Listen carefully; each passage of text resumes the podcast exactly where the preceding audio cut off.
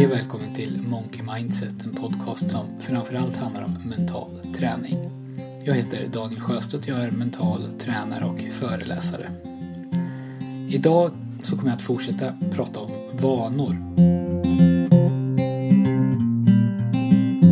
I förra avsnittet så introducerade jag den här serien om vanor. Då pratade jag om att en vana hade skapats när någonting går automatiskt när det mentala motståndet för att utföra den här handlingen inte längre finns. Och jag sa att vanor skapas av repetition. Simpla vanor kräver färre repetitioner och komplicerade eller krävande vanor kräver fler repetitioner.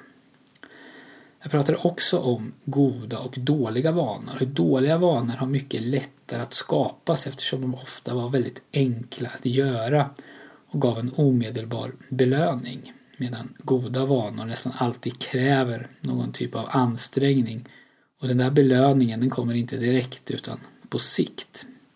Detta godis ger oss till exempel en omedelbar sockerkick medan grönsaker som är bra för oss på sikt inte alls får igång hjärnans belöningssystem på samma sätt.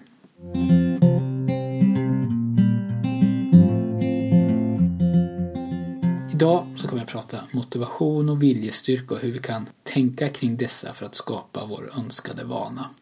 Jag har ju pratat om både motivation och viljestyrka i tidigare poddar och kanske kommer ihåg att motivation är ett väldigt underligt fenomen och ibland så kan vi ovetandes och utan att vilja det döda motivation både hos oss själva och hos andra. Och jag har också flera gånger nämnt hur viljestyrka funkar som en muskel, att vi bara har en viss mängd viljestyrka varje dag. Att ju mer vi använder den, desto mindre har vi kvar. Den vanligaste metoden när man vill införa ett nytt beteende i sitt liv, alltså skapa en vana, det är att förlita sig på motivation. Och det är lätt att förstå varför. När du gör upp de här planerna för ditt nya liv som börjar den första januari kanske, så känner du dig ju verkligen motiverad. Du kan se alla fördelarna klart och tydligt och det jobb som behöver göras, det verkar inte alls oöverkomligt där i framtiden. Det är lätt hänt att tro att du kommer känna så här hela tiden. Att vara motiverad är just en känsla och även om känslor kan vara väldigt starka så är de också flyktiga. Vad du förlitar dig på när du förlitar dig till motivation det är att du ska ha den här känslan även när vanan ska göras. Du hoppas alltså att du kommer att vilja göra det.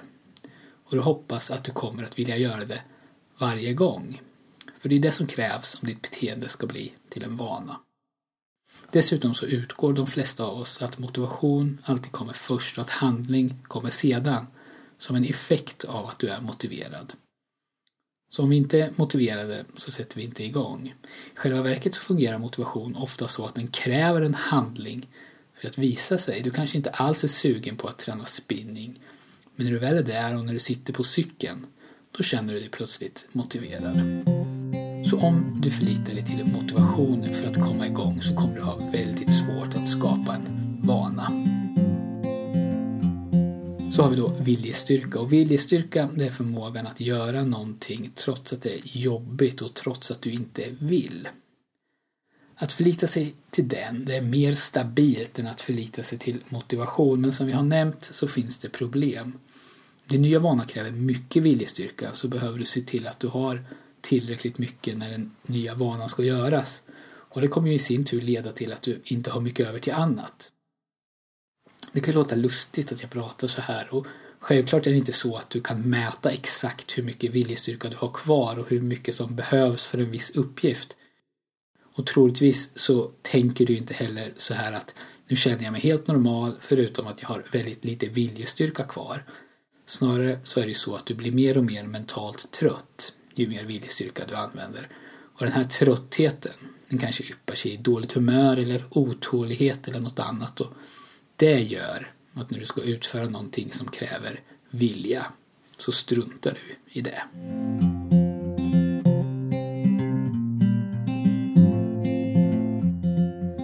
Sammantaget så kan man alltså säga att det inte funkar att hoppas på motivation för att skapa en ny vana och om vanan kräver för mycket viljestyrka kan det skapa problem. Då är risken stor att det inte blir gjort varje dag. Och att just göra det varje dag utan undantag. Det är en av de absolut viktigaste nycklarna när det gäller att skapa vanor.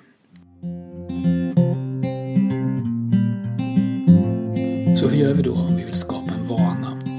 Vi måste ta hänsyn till allt det här jag just har pratat om. Jo, vi gör vanan så liten att den inte kräver någon motivation. Väldigt lite viljestyrka. Vi gör vanan löjligt liten. Så liten att det är omöjligt att misslyckas med den. I boken Mini Habits, som jag har hämtat mycket av det här jag pratat om idag från, så berättar författaren hur han startade sin motionsvana genom att ha som mål att göra en armhävning om dagen. Det är alltså på den nivån du ska lägga dig. Förra veckan så pratade jag om tålamod som en av de viktigaste egenskaperna när du ska skapa nya vanor. Och här så testas verkligen ditt tålamod. Gå inte i fällan att tänka tio armhävningar, det är också lite. Jag sätter det som mål istället. Nöj dig inte med lite, utan sikta på löjligt lite.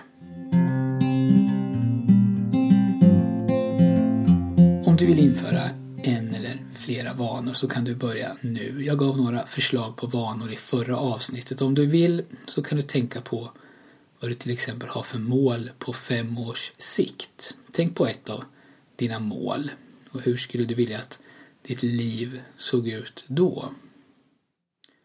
Gör nu om det här målet till ett beteende.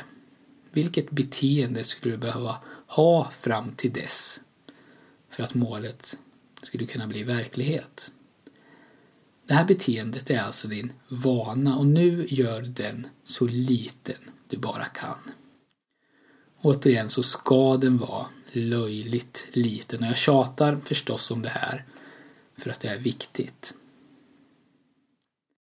Nu kan du bestämma att du ska göra den här vanan varje dag fram till dess att du lyssnar på nästa avsnitt av den här podden. Och när du gör din vana så bockar du av den i en almanacka, en kalender, helst en sån här väggalmanacka som man har någonstans där man kan se den. Det är alltså din uppgift till nästa gång att göra din vana eller dina vanor löjligt små. Gör dem varje dag och bocka av dem i en kalender. Och det spelar ingen roll om du inte hittar någon perfekt vana just nu, utan ta vad du kommer på. Du kan alltid ändra sedan.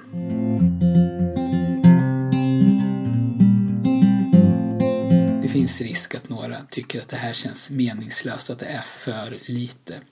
Jag kommer prata mer om det här nästa gång, men fram till dess så ber jag bara att lita på mig. Det här sättet att bygga vanor, det kommer inte att hålla dig tillbaka. Vet väl att du kan få det du behöver för att komma igång med mental träning av mig och det kostar ingenting. Om du signar upp dig för mitt nyhetsbrev på monkeymindset.se så skickar jag dig de fyra ljudband som ingår i min app Mental träning. Ljudbanden de heter Slappna av, Gå djupare, Självkänsla och Målbilder. Och om du tycker om podden så skulle jag uppskatta en recension på iTunes. Det har Nimbus49 gjort. Nimbus skrev den 25 februari att jag har lyssnat på de första åtta avsnitten samtidigt som jag tog en lång promenad. Mycket bra kombo. Jag ser fram emot nästa avsnitt och alla som följer därefter. Bra podd. Tack så mycket Nimbus och tack alla ni andra, både ni som har recenserat och ni som har mejlat med frågor, feedback och förslag på ämnen. Fortsätt gärna med det. Det var allt för den här gången. Tack för att du har lyssnat och vi hörs snart igen. Thank you.